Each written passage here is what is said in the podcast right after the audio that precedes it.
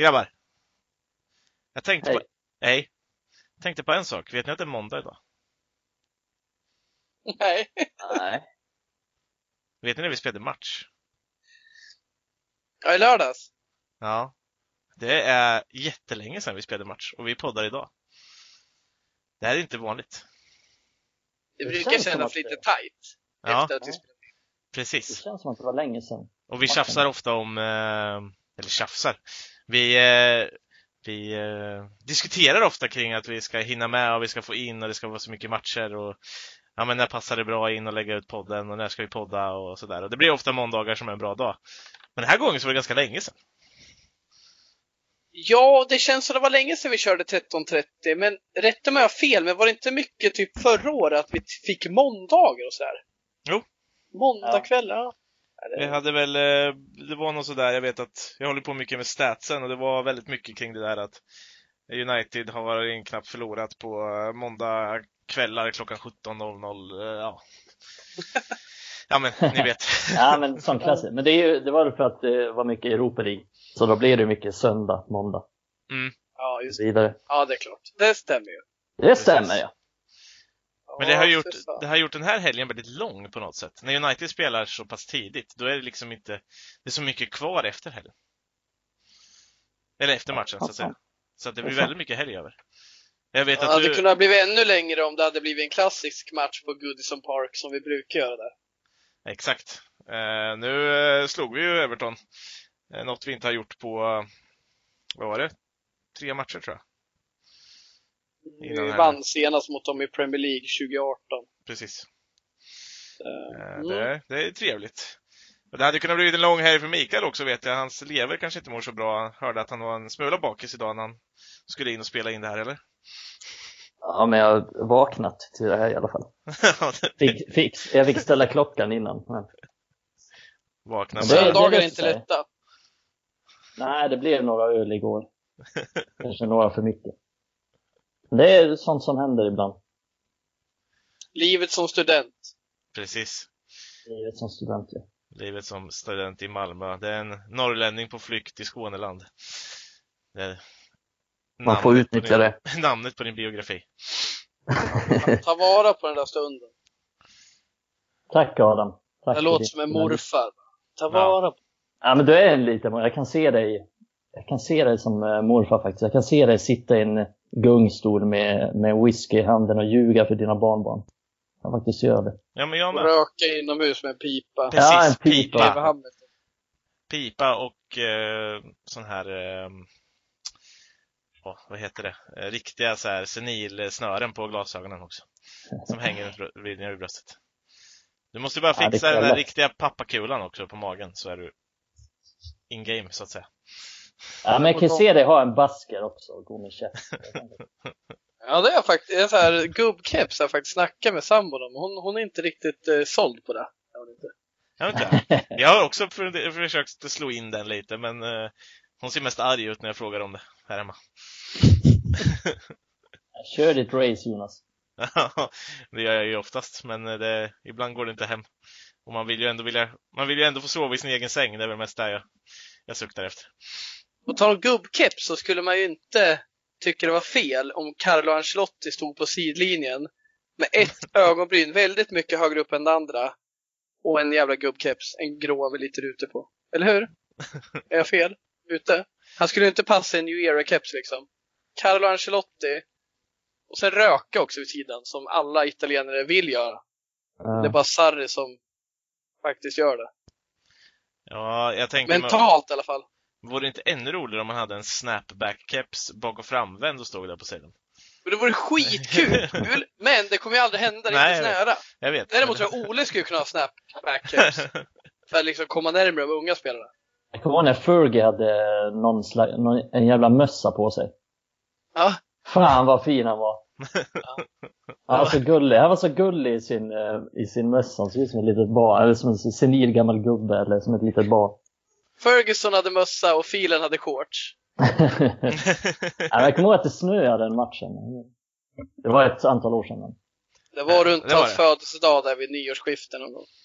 Såklart. Mm. Högst troligt. Men i alla fall, vi är ju här för att prata om Manchester United. Vi har redan kommit in lite på det. Och eh, vi kanske ska välkomna våra lyssnare också eh, efter den här trevliga inledningen, ska jag säga. Ja. Eh, ja, och vi ska prata Everton. En match som spelades, som sagt, på lördag, i lördags förmiddags.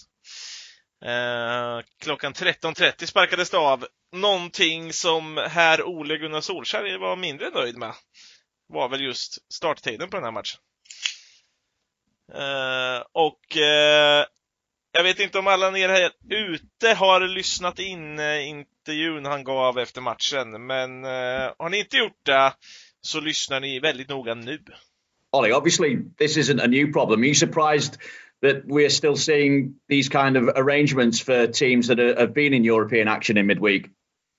Yeah, I am. Because how are these boys? How can we defend the product and the quality of the product? Uh, you can see first half today. I thought we were excellent, playing with the ball, zip, uh, zip about us, movements, runs. Then second half, of course, we're tired. Uh, yeah, you can see Fred and Scott because they didn't play during the weekend. They were fantastic uh, during the week. They were fantastic all, all day long. But the rest tired. We've lost players through injury, um, and we've tried. Of course, we tried before the game, uh, or not yeah, a month ago or whatever it was, trying to uh, move this game. Why? What what sense is there for us playing on a Saturday when you can play us on a Sunday when there's no uh, there's international break after? I, I cannot cannot say enough how uh, difficult these times are for everyone. Never mind footballers, everyone in the in the world. Of course, we want to see football. We want to see football with quality, and we were the, our boys were set up to to fail today with the with the, the scheduling. So take a step back, breathe twice, and try try to think about the times we're in. Och med noga kanske jag inte behöver eh, vara så noga att ni lyssnar igenom varenda ord han säger, men att ni ändå förstår kontexten av det han sa där. Och Adam, han är inte jättenöjd över över hur, eh, eh hur matchupplägget har varit med tanke på att han spelade med laget mitt i veckan här nu också. Nej, och jag känner väl så här att liksom när jag analyserar det här så känner jag väl att ja, jag förstår honom. Han har ju rätt i sak att det är lite konstigt och det är väldigt utstuderat där konspiratoriskt från hans sida att ja, vi har sett det förr från tränare. Mourinho kör ofta den stilen. Vi har även sett det från Ferguson vid vissa delar under hans tid att man blir liksom det är vi mot världen. Eh, folk emot oss, de vill oss illa. Och det finns liksom det finns eh, tekniker i det där och det finns en nytta med det. Och det kan eh, skrämma upp både motståndare, domare och förbund och så. Så jag vill inte säga att det är fel egentligen, men det är så tydligt i det här fallet. När det kommer att han är så jävla pressad. Liksom. Han nämner det, han vet innan matchen att det är ett problem att de ska så tajt in på en resa till Turkiet möta Everton borta 13.30. Så oavsett utfall den här matchen är han irriterad. Han vinner, vilket är bra, men han får en jävla press på sig genom att Shaw är borta. Och vi kan ta in Telles, men vi kommer inte kunna köra fyra eh, med en fembackslinje menar jag. Med Shaw som vänsterback, vilket är bra. Och han blir av med det alternativet då. Vi har också det här med att Rashford eh, fick sin skavank där och så vidare. Jag, jag, känner att han, han är jävligt pressad. Och han vet ju om det att mot West Bromwich nästa match, som inte vunnit en match hittills denna säsong, får han förlust där, till och med oavgjort, så hänger han lös på riktigt. Den här matchen ger han andrum, men han, han har mycket att bevisa nu. Och efter det så kommer Southampton i ligan. Eh, Istanbul är väl mellan där. Men att det är fan inte... Han är pressad som fan nu. Och jag tycker att, ja, han... Eh, han eh, kom, han är inte balans. Så här brukar det inte vara. Han brukar kunna vara mer saklig, men det är sån jävla, man, man hör det på hans röst att det här är inte den Ole man känner igen. Han kan vara lite mer kaxig liksom, lite mer dryg i sitt sätt, men nu var han, ja, besinningslös skulle jag säga i viss del. När jag, ser, jag har ju lyssnat på hela intervjun som är tio minuter lång och det är jävligt mycket den där där han eh, är grinig liksom. Jag har inte varit van vid det sedan han kom, att han är sådär. Nej, men det, det kan jag ju förstå i det här fallet också. Det är onsdag kväll i Turkiet borta och sen dessutom bortamatch, även om Liverpool ligger nära, på lördag förmiddag. Det är fan sjukt. Det är jävligt tajt. Men det är ju BT Sport som har, som har bestämt den matchtiden för deras tv-matcher så att säga. Men eh, som jag har förstått det kan väl Premier League komma in och ändra om det är helt galet. Men det verkar man inte ha gjort i det här fallet i alla fall. Nej. Jag är lite inne på det du sa Adam där, bara. Det känns lite som att Ola hade förberett det här redan ja. innan. Alltså det var liksom oavsett om han hade fått stryk så hade ju det här varit ungefär samma ord, bara att nu har han ändå vunnit. Liksom så. Eh, Min bild är precis så. Han, han har redan ett försvarstal oavsett om han vinner eller förlorar. Precis. För det är lika sant oavsett. Och det, det är galet beslut av FA. Men det är så ja, intressant för att han kan ju faktiskt lyfta det som är bra och snacka om någonting utöver det. Att vara lite liksom, men jag tror att han inte är nöjd med andra halvlek och då lägger han fokus på det här. Och han säger det i intervjun också, i den hela jag lyssnar på, efter, så kanske inte är med i klippet, jag, jag har inte riktigt koll, men just att andra halvlek nämner han inte. För den är dålig. Och det kommer vi komma in på kanske. Jag kommer säkert inte lämna några detaljer där, men första halvlek är riktigt bra. Men andra halvlek så faller vi in i någon glömska och vi gör mål sent, som vanligt. Eller som vanligt, vi, vi, det, det är inte sista gången vi gör en dålig halvlek och sen gör vi mål i slutet när lika väl motståndarna kan göra mål. Det jag vill komma till liksom, det här är ett sätt att komma ifrån det. Och det här är, som du säger Jonas, det är planerat. Och jag känner att eh, han, eh, han behöver det här för att få fokus på annat en stund. Ja, gud ja. Men eh, samtidigt så är det så här, alltså man kan gnälla mycket på att det har varit mycket matcher och sådär, men han har ju roterat väldigt mycket på många positioner. Eh, det känns som att han inte roterade på de som har spelat mest. Nej, exakt. Eh, Bruno och Rashford har ju kört jättemycket. Ja. Eh, Sen har vilar var... de nu på slutet, så jag, jag, det, det vill bara, fortsätt nu du, jag måste bara flika in med det. Ja. Att han snackar om ett tight matchande, det hade jag köpt mycket mer om det faktiskt var så att han inte kunde spela de spelarna han vill. Han gör det ju hela tiden. Van de Beek ser vi ju knappt och jag säger inte att van de Beek ska starta. Men, men jag tycker det är lite hårda ord av honom att visst det är tajt, men jag, ty jag tycker han kan rotera ännu mer. Och jag tycker redan förra året så spelade Maguire för att han ville. Inte för att han eh, behövde vila eller så. Och det har vi nämnt tidigare med. Så jag ser det lite med, det här är en ursäkt från Ole som han har rätt i. Men jag tycker inte den passar på honom. Men Manchester United som klubb, ja, de har ett missgynnade schema. Men sen å andra sidan tror jag att det även kommer hända Chelsea och City i förlängningen. Det här är ingenting som bara United får utstå. Tror inte jag i alla fall. Nej, men det är ju, det är ju alltså, Jörgen Klopp gnäller hela tiden på någonting. Pep gnäller hela tiden på någonting. Det är ju ett sätt att ta bort någon slags fokus också, som du sa innan, från lagets prestationer. För han menar väl på att United var väldigt trötta i andra halvlek och det var matchschemats fel. Vilket såklart påverkar. Men han vill också ta bort fokus från att hans lag kanske inte var särskilt bra i den andra halvleken. Ja men så är det ju, men då är det också en fråga varför man gör vissa byten som man gör också. Om man, ja. de nu är så trötta. Ja, han vill ju ha ännu fler byten. Han vill, Olle vill att det ska vara fem byten. Det vill väl, det sa väl Klopp och Pep också. Ja, men, men alltså ändå, alltså jag bara tänker just på den här matchen när vi ändå har tre byten. Och mm. visst, Shaw måste han ju byta ut. Så är det ju. Eh, han kan ju inte fortsätta där. Uppenbarligen. Då sätter vi in Toan Sebe. Ja, det är en grej.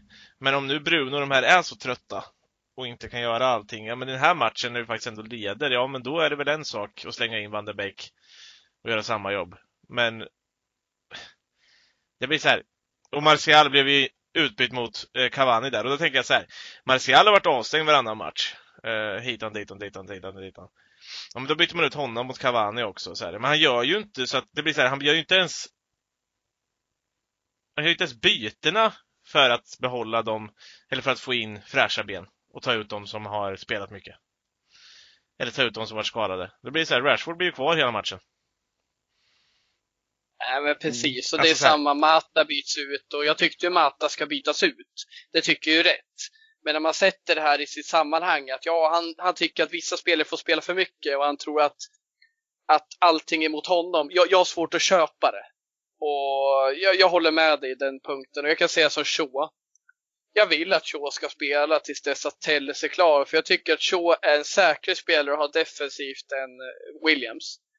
Men när jag tänker efter det här, då, då nämner han nu som liksom, ja, vi hade så jävla tajt schema mellan torsdag och lördag och nu skadar sig Shaw. Då känner jag så här, men vänta nu, du och jag vet att Shaw har ett skaderegister. Och han är ganska otränad. Då ska du inte köra 90 minuter efter 90 minuter efter 90 minuter med honom. Han måste ju få vila och det vet ju du. Och jag ser ju det här hända med Martial med framöver. Men liksom så kommer han med det här. Så det, alla visste att det här skulle hända med Shaw till slut. Så, liksom, det, han är så. Han, han får muskelskador. Och nej, jag har jättesvårt att, även fast jag tycker att ja, det här var jävligt uselt av de som eh, planerar och bestämmer hur vi ska spela. Men det är inget unikt för oss. Det kommer hända andra. Och just Ole och hans sätt att hantera truppen. Och även andra tränare. Jag tycker det är för dåligt. Och det här har vi ju sett varje år eh, i jul att folk klagar på. En tränare som Klopp eller Pep. Och sen tittar jag på dem. Men vänta nu, varför använder ni inte era talanger? Ta in dem. Eh, in med dem i truppen under vinterperioden. Ni har ju uppenbarligen akademier City. Liksom testa, gör, använd det ni har. Det är liksom City med mest muskler klagar. Men det är inget nytt. Det är ingenting för City. Det är precis alla. Och där tycker jag till exempel som United, som Mikael nämnde, nej men de kommer inte ta med några, Ole kommer inte ta med några ungdomar till Turkiet. Jag tycker att är det ett problem att spelare är slitna, ja men för fan använd den trupp vi har då. Det spelar ingen roll om det heter Burnley City eller United, ni måste ju använda den här truppen. Sen är det ett problem. Det är jag, han har rätt i sak, men jag köper inte resonemanget och det är en jävla försvarstal från Ole som jag tror är skiträdd just nu. Han vet om det här med Pochettino och det vet, han känner av det. Krasst, så här är det. Jag tror han, han träffar Woodward och han känner av att fan, det här är inte riktigt som det är. De säger att de tror på mig, men jag märker att det är någonting nu. Och de är ju så. Det är självklart att om Solskär nu gör dåliga insatser, då har de redan pratat med Pochettino.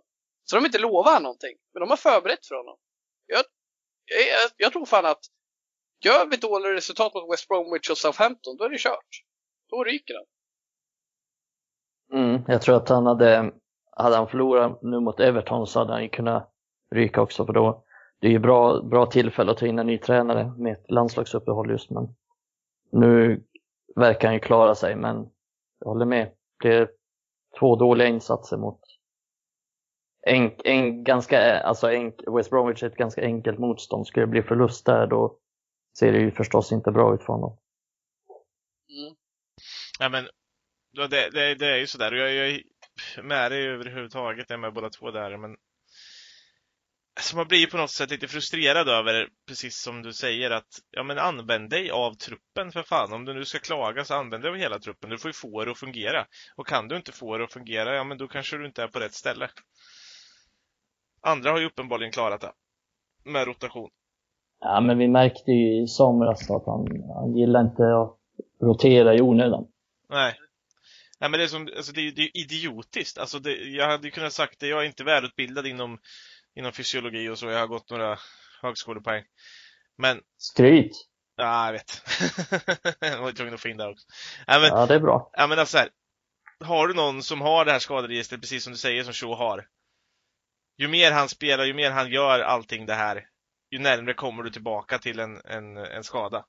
Och då är, det, då är det så, ja men då kanske du får ta Kanske Tejes inte är redo den här matchen. Nej, men då får man väl ta in Williams i just den här matchen. Även om jag tycker att Shaw är det bästa alternativet.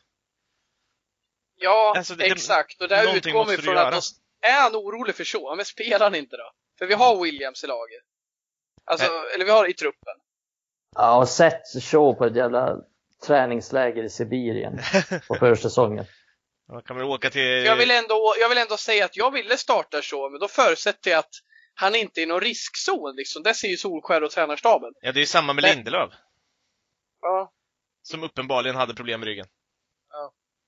Och nu är borta också. Alltså så här, det, det, det, blir ju bara fantastiskt idiotiskt. Och vet ni vad? Om Lindelöf skadar sig, eller någon annan skadar sig.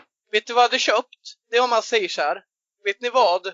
Här på presskonferensen jag har inte fått tillräckligt med resurser för att få ihop det här laget. Vi ska kampera i Champions League. Jag har krav på mig att komma långt i FA-cupen, Premier League. Och ligacupen bonus att vinna. Den är inte jätteviktig för oss. Men vet ni vad? Jag har inte tillräckligt med resurser. Vet ni vad? Jag hade älskat honom. Jag hade älskat Solskär om man säger det. Och jag tycker att vi har en bra trupp. Och jag tror att en annan tränare, jag vet att en annan tränare gör bättre med det här materialet. Men om, om vi säger så här, om inte han tycker att han har tillräckligt med mittbackar så att han till och med chansar med vissa spelare. Det köper jag, för vi har inte tillräckligt med kvalitet där. Och hur den är nu, det hade varit mycket bättre. Men att snacka om att det är ett tajt schema, det är det för alla. Det visste vi innan säsongen. Men att han inte får backning tillräckligt, det tycker jag. Och jag säger så här, vi, vi, skulle ha gjort oss av med mycket mer och vi skulle fått in fem spelare. Jag, jag är inte nöjd med det här fönstret. Och jag tycker det kan bli något bra med Cavani, till exempel. Men VDB har aldrig varit planen. Telles, det är en bra värvning. Vi behöver en ytterback. Men jag känner så här, det kan han snacka om. Att han inte litar på sitt material. Att han inte har tillräckligt med mittbackar till exempel. Att han känner att, ja men VDB är en bra spelare. Nu ska jag inte säga det, det är ju inte bra för truppen. Men alltså, det var ju kanske inte denna eftersökte, Det vill komma till. Det är en relevant ursäkt. Ah, vi, vi, står in, vi är inte byxade nog för det här tajtare schemat. Linda in det vad fan du vill, men snacka om rätt saker. Snacka om det här. Det är du som tar ut Shaw, Solskär. Snacka inte. Det är inte BT Sports fel att Shaw skadar sig. Det är min åsikt. Ja. Nej, så, så är det ju såklart, men jag, jag förstår ju honom i just det här fallet, men, men överlag så är det ju ganska lika för alla. Det är inte ja. bara United som drabbas av det här och det har du ju helt rätt i. Nej, och torsdag, lördag, det är inte, det är inte sunt. Men det har hänt. Onsdag. Eh, precis, onsdag, lördag. Det har hänt förut. Det har hänt eh, för många lag. Och det är lika tråkigt vilket lag den är. Så det, den är inte bra. Det är den inte, men what the fuck. Fokusera på rätt grejer liksom. Precis. Det är inte det tajta schemat som gör att vi tappar i tabellen. Men det är inte, det, är inte han... det tajta schemat som gör att vi inleder som ett påse nötter. vi är så jävla dåliga just nu. Men vi kan ju prata något roligt. Vi gör en bra insats mot Everton. Ska vi vara glada i två veckor? Precis. Eller? ja, då får vi fira rejält. Ja, jag tänkte glida över på det här innan vi, innan vi avrundar Everton. Kanske vi ska prata om Everton också. Bruno Fernandes är världens bästa spelare. Fan Någonsin! Ja. Men han är så jävla bra i den här matchen. Han är så bra när han är bra, så att säga. Vet du vad som är så bra med Bruno Fernandes? Nej. Han är, han är en riktig jävla ledartyp. Ja. Det är liksom, han tar och vinner den här matchen. Det finns ingen annan i det här laget som skulle, skulle, som kan göra det. Om vi jämför med till exempel Paul Pogba, han skulle aldrig kunna göra en sån här insats. Som Bruno Fernandes gör. Jag tycker du har så jävla rätt och jag tänker på den här matchen att det är en riktig ledarinsats. Mm. Att det är inte bara att du gör poäng och mål. Du rör dig, du vill, du tacklar, du är ful, du tar ett gult kort, du grisar. Du gör allt för laget. Du gör precis allt för laget och du är överallt. Och han kanske till och med gör för mycket i den här matchen. Det är, inte, det är mer ja. än vad vi kräver, men det är ju det man vill ha. Det är en riktig jävla matchhjälte. Men han ligger ju på den där gränsen hela jävla tiden i den här matchen. Alltså han är ju uppe, han är så nära ett rött kort vissa gånger så att det är, alltså sitt andra gula så att han är, ja, han leker med djävulen på riktigt. Men han ligger ju på den där gränsen hela tiden och det är det som till slut gör att han är så där bra också. Ja. Men det, han, han har ju den där jävla djävulen i sig på något sätt. Alltså titta ögonen på honom i någon situation där. Det ser ut som att det brinner. Riktigt, på riktigt alltså. Ja, Vet du vad, jag man, kände så här, det var aldrig. någon som nämnde om att hans, eh, det var någon uh, analytiker som sagt att det inte är bra, hans uh, kroppsspråk. Och jag kan tycka att, nej, på en fotbollsplan så gillar jag inte riktigt att se det där. Men ofta ser man det för folk som är liksom, skyller sina misstag på andra och gestikulerar och är tråkig. Med Bruno, det kanske inte är det optimala. Jag önskar att ingen behövde gestikulera. Men hellre att någon gestikulerar och ser lite besviken ut än att man inte bryr sig alls. För vissa är så här, jaha, han blir av med bollen, vi kör vidare. Liksom anspråkslöst. Bruno, du, för honom duger inte halvdant. Och det är en ledare. Han sätter ribban och han ser till att andra håller ribban. Ja, det har ju sett tidigare också, till exempel när han skällde ut Lindelöf mot Sevilla. Mm. Han, eh, jag håller med, han, han accepterar inte mediokra insatser. Och det är kanske fler i det här laget borde göra. Ja, men det är det vi har pratat om tidigare. Vi vill ju ha mer sånt där. Man måste ju kunna fan ställa lite krav på varandra när man spelar i Manchester United. Det kan ju inte gå ut och vara jävla stjärtgossar som springer runt där. Shaw är ju en sån. Jag ser han arg någon gång. Det är när han inte är glad på domaren och beslut liksom. Att han Ja. tyckte den var på yttern när det gick ut. Men aldrig så här liksom brinner inte. Jag vill att det ska brinna i spelare. Det är en sån här grej man gillar med McTominay. Att det brinner ju lite i honom. Han, han, det, han bryr sig verkligen. Och det tar man sig långt med. För utan vilja, då hade inte McTominay varit kvar. Jag kommer ihåg en gång eh, när det brann i De Gea. Jag tror det var Liverpool borta. När det, jag kommer inte riktigt ihåg vad som hände, men det var någon situation med domaren. Jag har aldrig sett honom så jävla snabb. Han rusade i 200 km i timmen fram till domaren och skrek i hans ansikte. Ja. Ja Det det, var- är, det är det det var man vill se. Mm. Man vill se det ofta. Och det som är tråkigt och det jag märkte i den här matchen, det är att nu är det kniven mot strupen. Det är många som nämner det, men det är så självklart att det är nu vi gör bra ifrån oss. När vi är som minst eh, i form på något vis. Vi, har, vi är minst favoriter. Då, då lyckas vi vända på skutan ett tag. Men det som är intressant det är ju det syns ju på planen också. Det syns ju att spelarna är väl medvetna om situationen och Solskär har liksom gått in där med grillgaffeln och petar folk på skinken att fan, spelar ni inte nu då kör jag upp den här röven på er. Ni ska fan ut och kämpa, ni ska göra allt och det syns från början. Och han, det är ingen slump att han väljer McTominay på plan. Nu har han gjort det med Fred de senaste matcherna, vilket han litar på. De, den duon. Och det är liksom, de är, de är på tå, de jobbar och kämpar. Men sen går det bra ett tag och sen tappar man det där. Och det är ungefär som Solskär börjar gå in där liksom med musik och bara tro att liksom, nu flyter det. Man får ju nästan känslan att det är något ledarskapsmässigt att han, han pushar igång det som fan när det väl gäller men sen eh, faller vi in i glömska igen. Ja, Men det är som att spelarna tror att de är världsmästare när de slår Leipzig med 5-0 hemma. Det, det är någonting där med att de tror att de har uppnått någonting. När de har vunnit den matchen. Fast egentligen så ska man kanske ha den inställningen när man har vunnit fem ligatitlar i rad. De beter Ja. sig nästan som att de har det. Ja, det, är ju lite spelarna. märkligt. Ja, Eh, det blir det är ju också- Oles ansvar och det känns ju Ja. som att man vill ju ha de här spelarna som aldrig blir mätta på titlar och det fick ju Wegle Ferguson igång.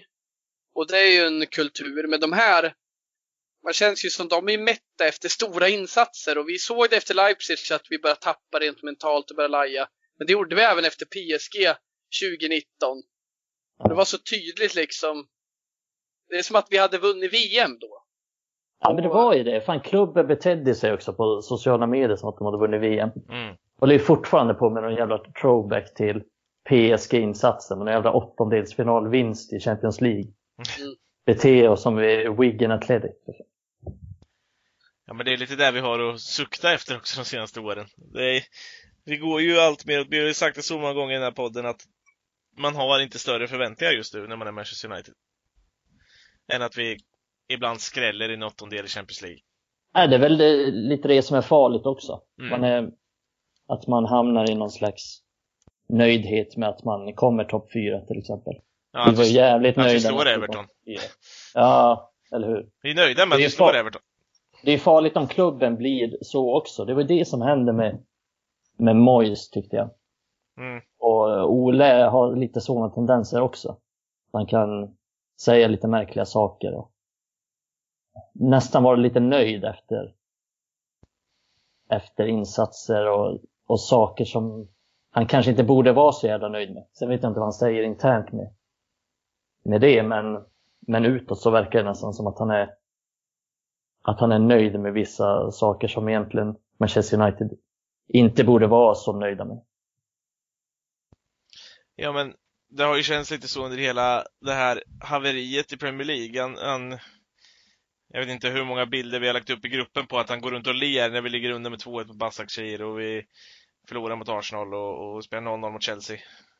Uh, det är ju leenden lite överallt och han känns ju inte som att han har varit supermissnöjd med allt det här.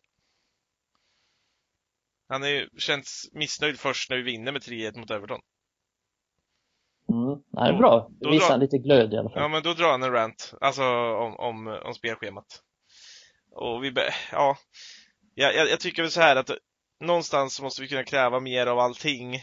Och, och Ole visar ju gång på gång att han har stora brister som jag inte vet om han kommer kunna rädda upp liksom.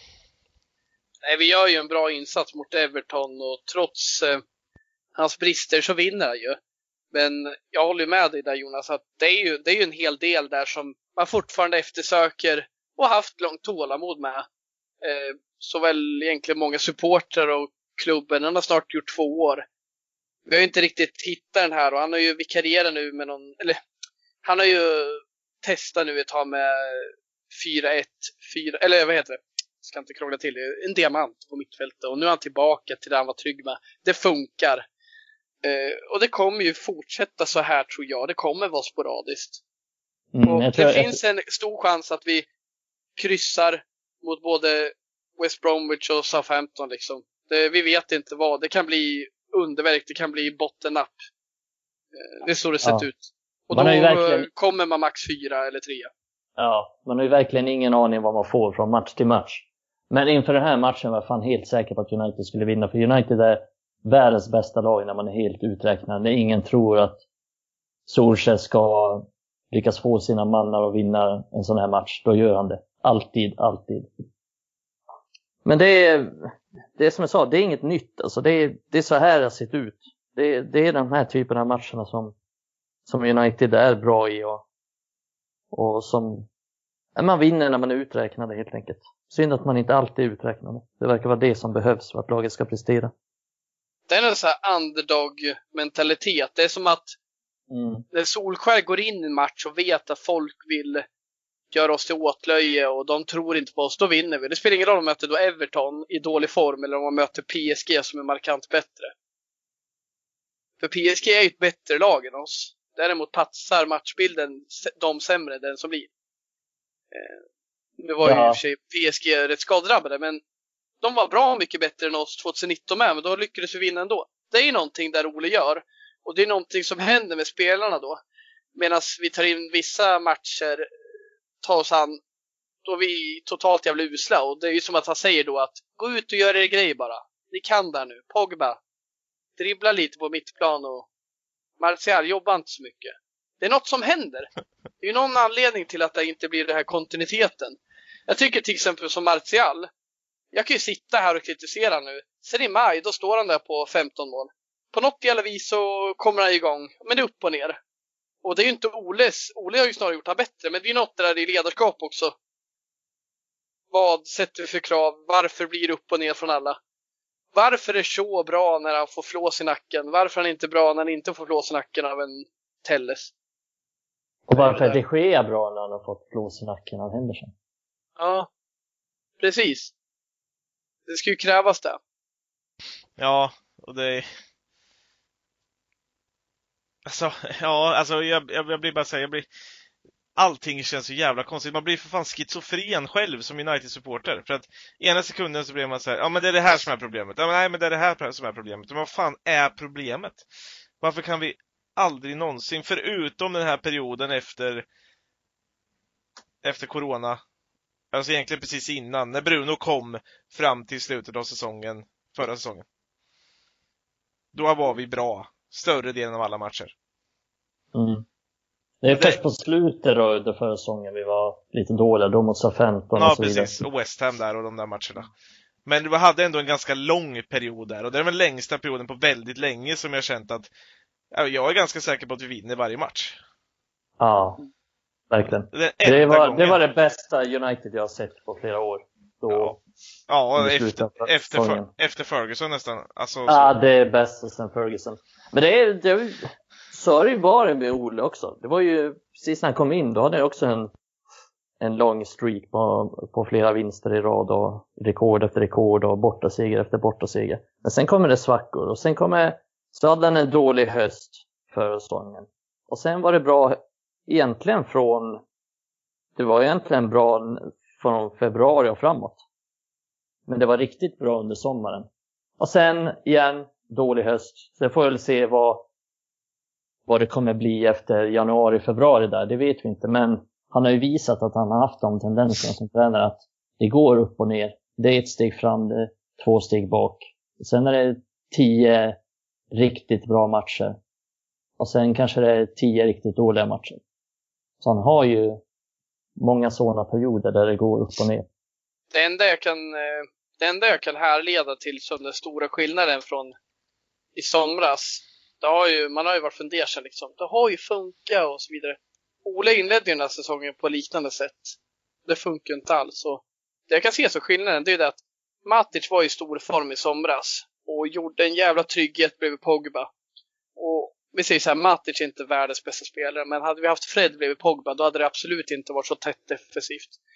Och sen Matic kom igång vid årsskiftet så har han varit en ständig startspelare. Och när vi startar den här säsongen och Matic inte är i form, haft en dålig försäsong, det kanske tar ända till december innan han kommer igång den här säsongen. Det kanske inte alls kommer igång, jag vet inte. Men jag vet att han var elementär då och vi har inte fått igång honom än. Och då är han en stor risk för Pogba, vilket Ola har eh, markerat genom att ta in Fred och McTominay. Och det har blivit bättre defensivt. Men ganska ineffektivt offensivt. Så eh, enligt mig då. Och jag känner så här att ja, det är väl där vi måste få igång. Men sen samtidigt då, ha in Matic och McTominay. Alltså han måste ju hitta den utvecklingen. Det var ju inte så att vi var, Pogba var i sitt bästa skick i somras, även fast det funkade. Så han har ju något att hitta där och det kanske inte ska vara 4-2-3-1 alls. Men jag tycker inte det. Men jag är inte imponerad av diamanten heller. Vi får ut för lite av våra ytterbackar så ska vi snacka om den här matchen. Jag tyckte det var helt rätt av Ole att lämna diamanten just för att han fick mer han fick mer bredd i den här matchen. Han kunde hota från kanten. Och det tror jag faktiskt förvånade Ancelotti lite. Av någon anledning så tajtade inte Ancelotti till i mitten. Jag vet inte varför. Det har väl säkert med formationen att göra. Men ska vi gå in lite mer på Everton så tycker jag fan att Ancelotti ger bort oss vinsten. Jag vet inte vad han håller på med, men det var ett hav av yta bakom Allan och Dokore. Och mittbackarna, de var inte synkade alls. Tack för att ni inte har Jeremina på planen. Han är inte världsklass, men han har mer koll än Holget hade uppenbarligen. Det var ju rent i straffområdet när vi såg inlägg. Till och med Shaws inlägg gick på huvudet. Ja, det är en världsklassnick i det här fallet också i och för sig. Men, men det är precis som du säger, det såg ut som att de var... Världsklassnick, det är det. Men när han utmanade någon försvarare. Nej. Jag hade fått den där på mål, Jonas. I och för sig, jag är jävligt vass i huvudet. Nej, men, nej, men alltså, det, var, det var en bra nick. Det var en jättebra nick. Men visst fan ska de vara närmre? Keane Ja, står ju och tittar på något annat. men det är ju Sigurdssons gubbe. Han har ju också släppt den. Skitsamma detaljerna. Ja. Sigurdsson är sämst. Fy fan vad dålig han är. Jag kan göra det till Sigurdsson-podden om ni vill. Fan Ja, de är. De är, det är många dåliga spelare i Everton. André Gomes är jag tycker är jävligt överskattad. Mm. Fan kan- vilken lallare det är. Det är många spelare som sett sitt bäst före-datum. Då tänker jag främst på Sigurdsson och Coleman. Jag tyckte Coleman, när jag ser honom på plan, då ser jag att det är en sån här som börjar bli riktigt jävla tunnhårig. Och tiden går och går, men han fattar liksom inte att han ska göra sig av med sin jävla Mm. frilla. Och den liksom börjar come over. Det, det, det är Colemans offensiv. Han kör ner huvudet och bara kör. Och han blir av med bollen gång på gång. Han har inte fattat att han är assölig. Han är inte ens farlig offensivt. Så Coleman, när vi ska gå in på det, nu spår du lite, men jag kan ju rädda upp genom att säga att Coleman var, det var till vår fördel att Coleman fanns på högerbacken. För jävlar vad det fanns ytor bakom Coleman och mellan Coleman och eh, Holgate. Vilket Mm. gjorde att Shaw såg bättre ut än på mycket länge. Ja, men det, United spelar ju oftast mer på vänsterkanten än högerkanten. Men här var det verkligen tydligt att man satsade på den kanten. För jag tyckte också Coleman fick inte särskilt mycket understöd. Och det är väl kanske ingen slump att målet kommer därifrån också, från den kanten. Mm. Ja, jag, jag förstår vad ni är inne på och vi, vi måste tyvärr rulla vidare men eh, det är väl klart att de har mycket avdankade spelare och jag tycker du ska lite snäll mot Sigurdsson bara Adam för att det är en av mina favoritspelare eh, de senaste åren i Premier League. Nu i och för sig ser han ut som en, jag vet inte, en betongklump ungefär på mitten. Och hans fot har blivit sämre än, än min egen. Eh, men vi ska ta och gå vidare ifrån Everton, vilket i och för sig var mycket intressant att prata om.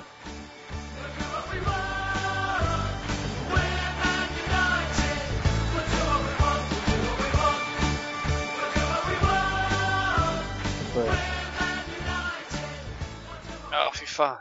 Jag har varit och kylt ner mig. Har du? Jag blir så jävla irriterad. Eh, vi gör en fin match mot Everton och vi, vi gör ett resultat, det är viktigt, men alltså jag är fortfarande så jävla förbannad efter Istanbul-matchen. Jag, jag hade väldigt svårt att smälta den matchen och jag har det fortfarande. Och det kommer ta lång tid att lindra eh, denna smärta. Eh, Everton gör det inte, men vi får hoppas på framtiden gör det för det finns en frustration inom mig fortfarande. Det är lätt en av de sämsta matcherna jag sett med United. Ja, gud ja. Ja. Ja, det är det. Och jag har nog inte varit så här frustrerad sen Solskär tog över. För det spelar ingen roll om vi snackar om att Van Bissaka skulle gjort så eller att eh, Maguire skulle gjort så. Det är hela laget, från tränarstab till Ole, spelarna. Det är division 7 nivå. Det är inte ens division 7 nivå. Det är pojkar 12 år. Det är för dåligt. Det ska aldrig hända. Och som sagt, vi kan gå vidare, men jag, jag är jävligt frustrerad fortfarande efter det. Och det tror jag många är med mig. Det är för jävligt liksom. Det finns en läkeprocess nu. Och det känns värre än mot Tottenham. Absolut mycket värre än Tottenham. Tottenham kan jag sitta och ljuga för mig själv och tänka att ja, det hade nog inte gått precis lika dåligt om vi inte fått rött kort. Vi hade förlorat, men inte blivit förnedrade. Men det här finns inga ursäkter. Noll. Det finns ingen rött kort att visar till. Vi hade för bra lag mot Istanbul för att det ska ske. Mm. Känner du att du vill fortsätta?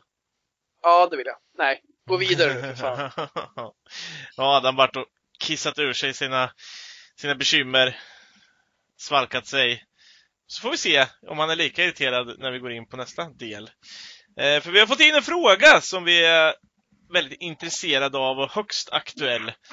Rörande vår käre Golden Boy, som vi har benämnt honom, Mason Greenwood. Det är Henkos på Instagram som skriver diskutera gärna Mason. Vad händer där egentligen? Ännu en gång rykten om att han inte är tillräckligt seriös på träningarna och därmed inte blir uttagen. Och så tackar han på förhand och där finns det ju lite att ta i va? Eh, rörande till exempel, eh, var det Whitwell som la ut det? Eller vem, vem av dem var det? Jag tror det var Ornstein. Var det Arnsteins Ornstein var inlägg var det. På, På eh, The The Athletica. Som rör just det här eh, kring Mason Greenwood. Och det har ju varit uppe på tapeten innan och Ole har eh, bestämt avvägt om att han har varit skadad och så innan att det inte har gällt eh, eh, Greenwoods attityd. Men nu är det uppe på tapeten igen att det ska vara därför. Han har haft dålig attityd på träningarna. Eh, och det ska inte röra sig om att han har känt sig ill, alltså sjuk på något sätt. Eh, ja, vad har vi att säga om allt det här?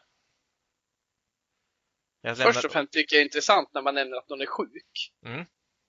Den har man ju liksom hört förut när det varit struligt och vissa är ju sjuka och det finns ju perioder då folk är mer sjuka än annars men jag vill minnas någonting med Young innan han lämnade United i eh, januari. Att Eh, det var någon match där då han var ill helt plötsligt. En spelare som alltid brukar vara tillgänglig. Eh, det är intressant det där att ja, nu kommer det här ryktet om som Athletic publicerar att eh, det ska vara något annat. Och det är intressant det, det lilla nyckelordet man kan använda. Okej, vi har strul, vi har ett problem här, hur gör vi? Ja, men han får vara sjuk en stund. Eh, uh, ville bara nämna det.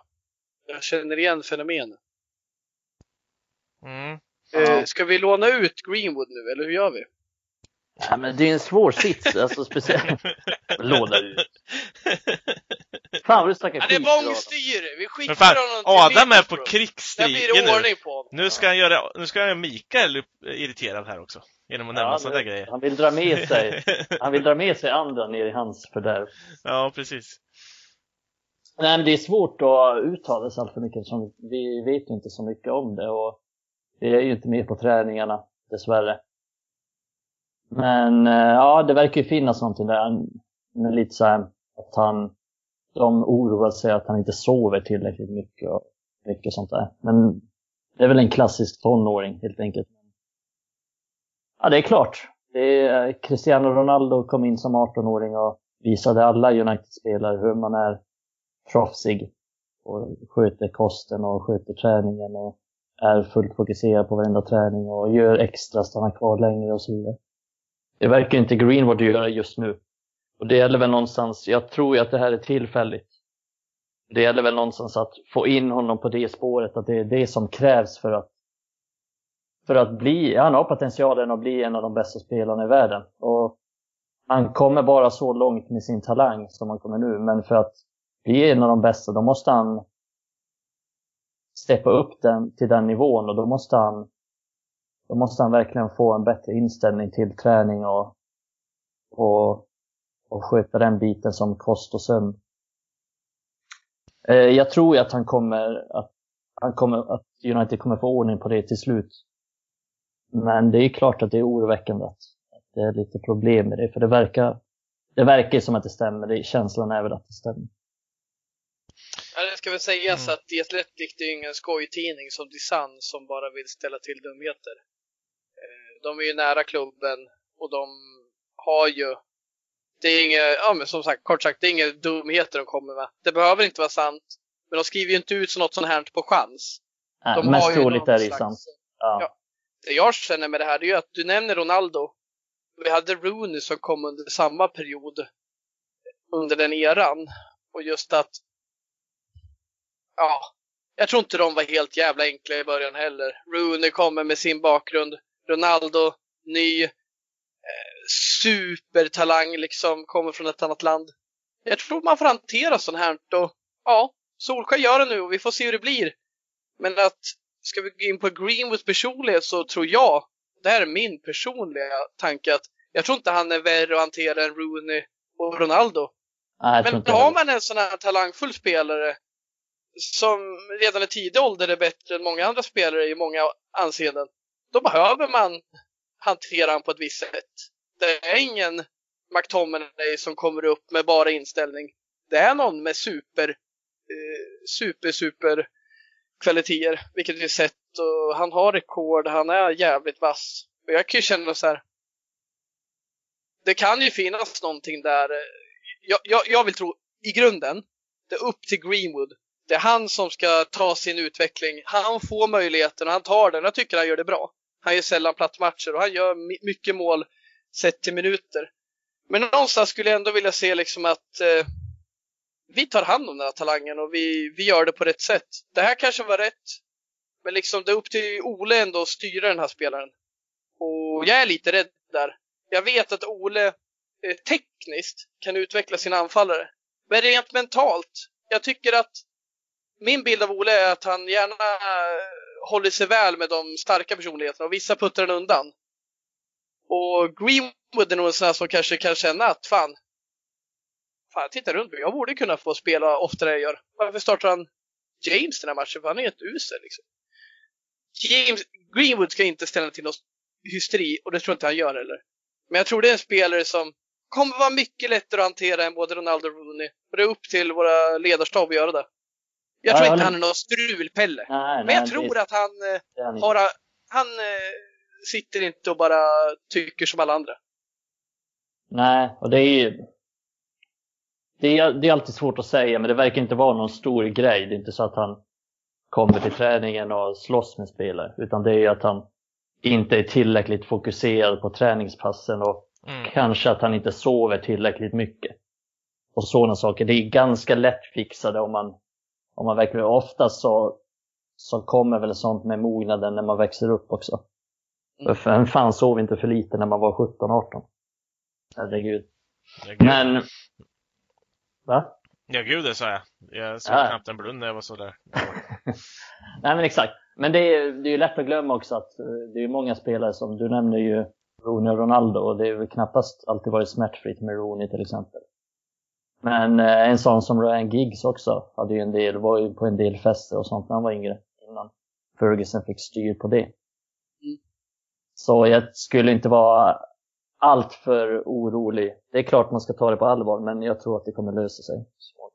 Vi skulle kunna följa upp den här diskussionen om några veckor om vi märker att det här börjar bli en tendens att oj, nu blir han petad på riktigt. Han får inte spela i kupperna. Då kan det ju vara mer intressant att gå in djupare, för det kan ju vara en tillfällighet. Det kan faktiskt bara vara en sjukdom. Men det verkar ju som det har någonstans knorrat lite och i det stora hela, vi behöver Greenwood. Vi, vi kommer behöva det. Och särskilt i en sån här match så tycker jag det är tråkigt att vi har Matta från start. Och det ska sägas, Matta gör vissa bra matcher, det gör han. Men han ska aldrig vara startspelare för mig. Det ska aldrig hända. Inte i en sån här roll när man har vänsterfot på högerkanten. Ska bidra. Jag tyckte Matta var riktigt dålig. Men i vissa matcher är han bra. Så jag förstår med Matta som truppspelare, men det är klart som fan Greenwood ska starta om han är på hugget. Och det, det tycker jag de ska se till att han är. Men vi kan väl följa upp det här. Det blir mer intressant i framtiden att snacka om det när vi faktiskt vet om det är något eller inte. Han kanske startar nästa match och gör två mål och då var det ju helt onödigt att vi ens började ta upp det. Men det är värt att ta upp. Absolut. Eh, och, och min punkt Men, någonstans eh, står ju att man, man vill ju se där man såg av Greenwood när han kom tillbaka från uppehållet sist. När han hade lagt på sig de där musklerna som han behövde.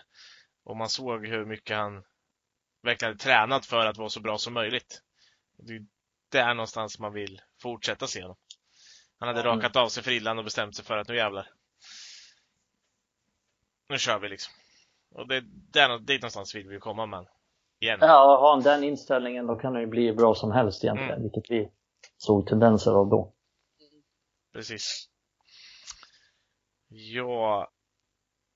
Något mer ni vill röra kring den frågan? Eller ska vi hoppa på en till?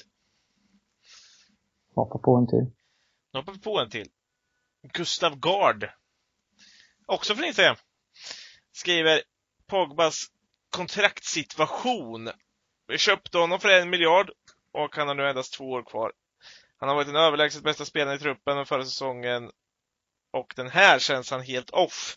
Och vi är ofta bättre utan Pogba på planen. Vi har redan en hög lön, han har redan en hög lön idag med Raiola som agent så kommer han troligtvis förhandla till sig en rejäl ökning. Och då har vi förstört hela vår lönestruktur igen. Nytt kontrakt eller ska vi försöka sälja honom? Och eh, Pogba-situationen är väl någonting som är up and rolling eh, året runt känns det som. Ständigt en diskussion. Ja. Jag börjar bli jävligt trött på den överlag. Jag älskar Pogba i många gånger. Jag, allt jag ser i det franska landslaget säger mig bara att han kan vara en fantastisk spelare. Men jag börjar bli trött på det i Manchester United och funderar på om inte klubben mår bättre utan honom. Ja, ja det, är, det är en svår sits. För vi har snackat om det innan. Jag tycker inte att Ole har fått in honom i någon särskilt bra roll. Men samtidigt så har han ju inte varit särskilt bra den här säsongen. Han har gjort någon enstaka bra match, men överlag har han varit rätt dålig. Det finns ju förklaringar till det, till exempel när var drabbad av coronaviruset och han har inte heller haft någon riktig försäsong eller så. Men det har inte någon annan av spelarna heller. Men just Pogba specifikt, han har haft en sämre uppladdning inför säsongen än, än de flesta andra. Och det är, det är klart att det kan påverka. Men ja, jag håller med, jag börjar, börjar också bli trött. För att det krävs, han kräver en specifik roll i laget. Och för att funka på bästa sätt. Och det, det är ingen tränare hittills i United, vilket är ett underbetyg till tränarna också, som, som har lyckats få in honom i, på ett bra sätt. Men det är, ja, jag håller med. Jag börjar också bli trött på det och det är för mycket snack på sidan om också. Både från han och hans agent. Så att det är nog, det är nog lika bra att casha in på honom och värva en eller två spelare som funkar bättre i, i klubben än vad han har gjort. Men eh, det är också ett problem att, att sälja honom för det är inte så många, han är inte så het på marknaden helt enkelt. Han är inte så het som han själv tror. Han är inte så het som många andra tror heller. Vad är det för klubbar som kan tänka köpa honom? Ja, det är väl typ Juventus kanske. Real. PSG. Ja, ja, PSG kanske. Ja men de kommer nog alltid kunna finna, ha, för rätt pris så skulle de nog kunna köpa honom eftersom han ändå är fransman. Ja, men vill de verkligen ha honom? Är han så Ja, pass det- bra liksom, det, är, det är den frågan man också måste ställa sig. Och United är i en situation där man egentligen antingen så måste man förlänga med honom, att han skriver på ett nytt kontrakt, eller så säljer man honom i sommar. Hans kontrakt går ut i juni 2022. Så man måste ta ett beslut gällande honom. Och jag är ju som sagt, jag är mer inne på att jag har ju tidigare velat ha kvar honom, men det är, jag är mer och mer inne på att det är lika bra att sälja honom. Min bestämda bild av honom är ju att, som jag nämnt tidigare, jag tror han är jävligt nyttig för omklädningsrummet. och Har en stor, många ser trygghet i honom. av de yngre killarna framför allt. Jag tror att han är den som håller lite ställning i rummet och är en röst. Men jag tycker mig inte märka det på planen. Och det har jag liksom haft lite det kanske inte är han som ska vara ledaren och så vidare, men jag tror han är viktig där. Däremot som jag känner med han att jag har alltid tänkt de senaste fyra åren som har varit här att fan ska vi nå världstoppen igen? Och sen fyra år och till nu har vi haft jättemycket bekymmer. Då har han känts som, fan det är han och de Gia som är världsklass. De måste vi ha kvar för att det ska funka. Nu har jag någonstans vänt med båda. Jag yttrar min åsikt om David de Gia. Jag tror inte på han.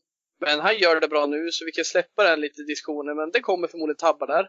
Men nu ska vi prata om Pogba. Jag tror liksom att hans kontrakt går snart ut.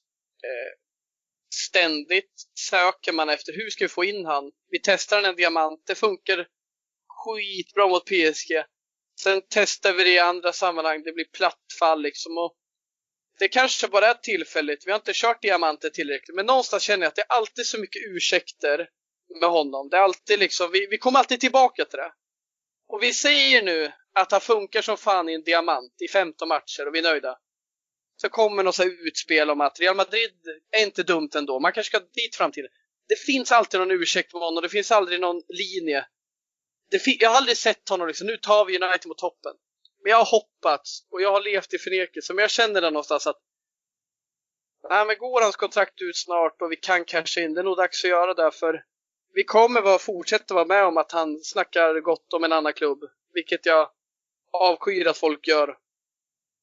Och sen är det också det där att Corona, visst, det har varit ett problem, men hans skada han har varit med. Jag, jag tycker, sen, även i somras, vi tyckte inte han var tillräckligt bra. Men han gjorde helt okej från sig. Men jag tycker han är mycket trögare än tidigare. Han har alltid, han har inte varit asrapp tidigare, men jag tycker han har blivit trögare efter sin skada. Jag vet inte om han kanske kommer ifrån det någonsin. Det känns som han inte är lika rörlig. Han kommer inte täcka lika stora ytor han gjorde för fyra år sedan. Han kanske vill, men han kan inte. Jag tycker han blir trögare. Det vill komma till. Fan. Jag tror inte på honom i längden. Jag gör inte det. Men jag hoppas, jag har gjort det länge, men ska vi ta ett beslut, då cashar vi in på honom. För är det så att vi förlänger hans kontrakt, då ska han upp i de nivå och då är det ett problem som sträcker sig fem år framåt. Det är ett jävla problem. Och det är ett problem att vi har de Gia på 375 000 i månaden. Och det har inte med de Gia att göra egentligen. Det är att vi har en spelare på 375 spelare. En spelare som potentiellt kan spendera tid på bänken. Det är inte Bruno alltså. Det är Pogba. Och, eller vad säger jag, det är de Gia. Och potentiellt Pogba om man skriver på ett nytt kontrakt. Det är min tanke om det hela. Jag tror inte att Pogba bara, ah, men jag, jag står kvar på 270. Eller vad han har. Det är okej. Okay. Han kommer lätt upp i den nivån. Det är hans morot för att stanna kvar. Och jag vill bara säga det, jag håller med dig Jonas. Jag gillar Pogba och jag vill verkligen att det ska funka, men jag ser inte det ända. Vi har hållit på i fyra år nu med ursäkter. Mm. Och han har varit skitbra i vissa tillfällen. Men sen faller han bort. Och det finns anledning att ursäkta honom. Men nu när jag ser han i en upp, uppskjuten roll, han gör inte poäng, han levererar inte. Han har spelat mycket den här säsongen, det har inte hänt tillräckligt mycket. Vi kan ju ta en jämförelse med Bruno Fernandes som vi tog innan. Om Bruno Fernandes är någon slags härförare så är ju Pogba verkligen inte det på planen. Jag håller med, jag får också den känslan. Han är respekterad i omklädningsrummet. Jag tror han är, han är en stor profil i omklädningsrummet. Han har mycket respekt och han är en ledare där. Men på planen, genom att visa vägen, så är han verkligen inte det. Han är inte den som står upp när de andra faller. Han har väldigt få, egentligen så här, extremt avgörande mål eller assist för United. Det har han inte. Han är inte den som står upp när de andra faller. Han, är, han, är, han går att ersätta, vilket är ganska starkt bevisat den här säsongen.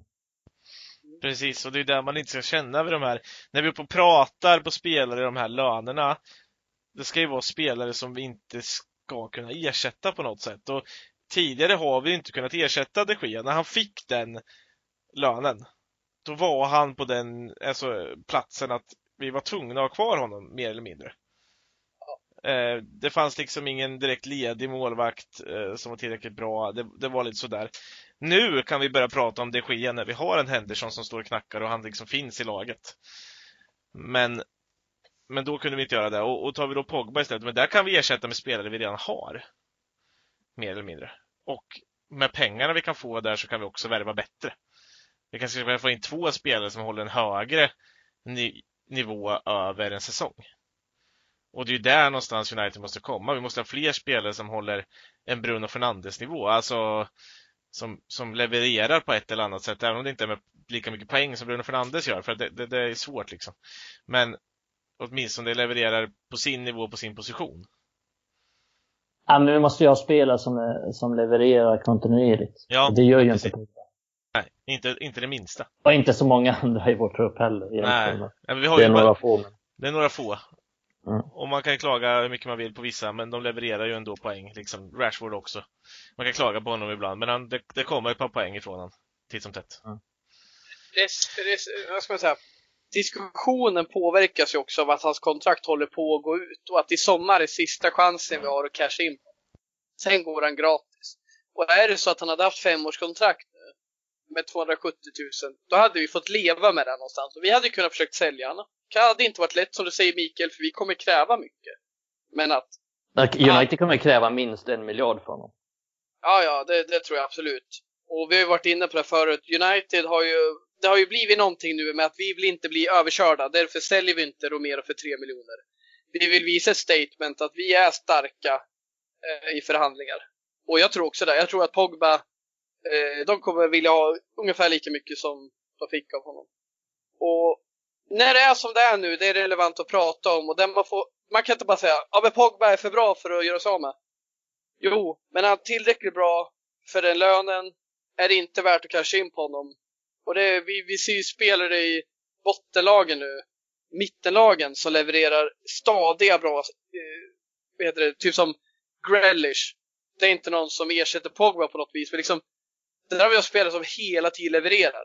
Vi måste ju ha, så här, jag vill bara säga, jag, jag kanske inte vill ha Grealish för jag vill ha Rashford till vänster, men vi måste ha spelare som levererar. Och som inte kommer upp och som man ska ha ursäkter för hela tiden. Anledningen att vi ger en ursäkt är att vi vet vart hans topp är, för han har vunnit VM. Han har varit grym i United-tröjan. Men sen backar han ur liksom. Och tittar på. Och jag är med på er bana. Bruno är en härförare, för han kan göra en dålig match och ändå göra ett poäng och ändå bidra. Men Pogba, han är dålig, då fallerar hela laget. Och när vi ska vända en match, då är Bruno den som visar vägen ofta. Men, eh, men Pogba, han är ofta den som kanske är anledningen till att vi gör en dålig match och att han behöver hitta sig själv i matchen och då har han inte tid att hitta kraft hos andra och hjälpa till. Så Pogba gestikulerar oftast för att han vill ha en, ett domslut med sig, inte för att eh, han vill sätta mer krav på Martial. Bruno däremot, han tar inga fångar. Han pekar åt allihopa, han gör sig ovän med folk. Och jag vill inte att det ska vara sånt. Men, men om det innebär att vi höjs, så hellre det än att man går och klappar om det sker på kinden som Lindelöf gör. De verkar ha världens bästa gemenskap. Det är för mig oroväckande. Det känns som båda är på samma nivå någonstans. Grymma ibland, ibland eh, tabbar de sig. Nej, ska vi inte gå in på det här. Lindelöf är inget problem just nu. Då kommer folk bli kränkta om vi pratar om det. Men om vi ska snacka om Pogba, ta med fan bra Gustav Gard att du tar upp det. Det är klart vi ska fundera på det. Och min bild, ja, men det är nog dags att säga tack till dig. Jag älskar dig Pogba, men tyvärr det funkar inte. Jag hoppas du gör att jag har fel. Men du har sårat mig så många gånger med din uttalande Real Madrid. Du har pissat oss i ansiktet. Så många gånger. Och jag har skyddat dig. Men fan, det får vara nog nu känner jag. Ja, Hoppas jag har fel. Jag hoppas jag har fel. Jag hoppas att du gör 15 mål den här säsongen. Och täpper igen käften på mig. Precis som Martial gjorde förra säsongen. Jag hoppas att Pogba lyssnar på det här nu, eftersom du Ja. verkar ta- tala till honom. Precis. Men, men det gör han väl, eller? Adams brandtal till nationen, fast bara till Pogba. Pog, pog, pog, Pogda. Pogda. Pogba. Pogba. Po- Podga. Podga. Podguy. Pogba the Nej, det Podguy. blir mycket känslor när man pratar om de här nissarna. Och Pogba, det är klart, han ska få mer tid i diamanten och det såg skitbra ut mot PSG och då är han riktigt vass när han är bra. Men fan, kan vi få lite mer kontinuitet tack? Det vore fint. Det är lite Ja. för sällan han gör de insatserna. Precis. Men som han gjorde mot Leipzig, alltså när han serverar Greenwood till 1-0. Alltså, det är ju så vi vill se honom. Ja. Hela Varje tiden. match. Det Mm. behöver inte vara en målgivande passning, men det ska ändå vara en assist som bidrar till mål. Mm. Så, och det är, sku- det är ju intressant det här med diamanten. Och vi behöver ju spelare som fungerar på varje position där. Vi behöver ett ankare, vi behöver någon som vinner boll, vi behöver en tia, vi behöver en kreatör till vänster. Och när två av dem fallerar, då blir det ju plattfall. Då är det ju tryggare att köra 4-2-3-1. För då har vi ändå någon slags stadga. Och det Absolut. känns ju som det, man får ha lite tålamod med diamantformationen. Den är ganska ny för oss. Men den har gett plattfall. Mot eh, Arsenal var det ju totalt odugligt. Precis. Men vi har ju sett, vi såg ju toppen mot Leipzig och, och dalen mot Arsenal, alltså så, med den formationen. Och där är det ju också upp till tränaren att faktiskt ha en, en reservplan, att kunna ändra. Okej, det här funkade inte, nu måste vi styra om här. Och det kanske man ska göra direkt i den, ja, i starten av den matchen mot Arsenal. När man ser att det här går ju inte. Nej, och det var ju ett genidrag. Var det mot Istanbul när han körde ut Cavani på vänsterkanten? Prata inte om den matchen då. Du har varit tillräckligt irriterad idag Adam. Och, Jag mår eh, redan piss idag. Ja, alltså jag vet inte riktigt hur vi kan komma i, vi får, vi får börja nämna oss vid negativitetspodden på något sätt, för vi, vi, vi kommer ändå från en 3-1-vinst mot Everton som har varit bra i Premier League i år. Eh, ska sägas. Eh, dock ytterligare en match mot Everton. Vi lyckas ändå komma ur det här negativa. Kanske kommer från matchen mot Istanbul Basaksehir, men ändå. Eh, och Ja, det är klart, vi kan ju sitta och gulla med resultaten mot Everton. Det är skönt Ja. att vinna. Vi såg inget nytt. nej, det gjorde vi inte. Vi gör en bra halvlek, vi gör en dålig andra halvlek och så gör vi ett mål i slutet. Och det som är positivt tycker jag, det är att se än en gång inverka på Bruno, hur viktigt det är att ha kvar honom hela matchen. Och jag ska säga det, jag vet. För några poddar sedan sa jag att Bruno, man kanske ska byta ut honom. Och ja, vi bör säkra hans hälsa, men fan vad viktigt det är att ha med han hela matchen. För det är 89 smäller det kanske då. Så det, Ja, men det som hände i den matchen mot Everton, det var, alltså skillnaden var, var väl att vi lägger 14 istället för 15 i tabellen. Så vi kanske inte ska vara alltför positiva heller. Nej, men eh, samtidigt så är ju varenda jävla trepoängare viktig just nu för att vi inte ska fortsätta ligga där nere. Ja, så vi tar, upp, tar oss upp från bottenstriden. Precis. det är ju hemskt alltså. I alla fall hörni, vi måste avrunda. Eh, vill tacka Adam för idag. Otroligt trevligt att höra dig så här upprörd. Är på något sätt lite, jag blir li- på något sätt lite munter. Jag, jag, jag trivs i andras negativitet. jag skriver in i mitt CV. Folk brukar uppskatta när jag blir upprörd. Är det något man vill ha med? Ja. Eh, och Mikael, tack också såklart. Eh, och om ni inte har tänkt på det så hoppas jag att ni såg hur Lindelöf såg ut som en gammal kärring när han blev bortrullad på kanten mot Everton. Annars titta på när Dings skjuter i stolpen och precis innan det. Och sen så söker ni på Instagram och en bild på Lindelöf när han har klänning på sig. Därifrån kommer det. Finns det på våran eh, i Twitter också. För ett tag sedan. Om man rullar ner lite i flödet. Eh, och skrattar ni inte nu för att ni inte fattar så skrattar ni sen. Eh, så tackar vi för idag! Bye bye!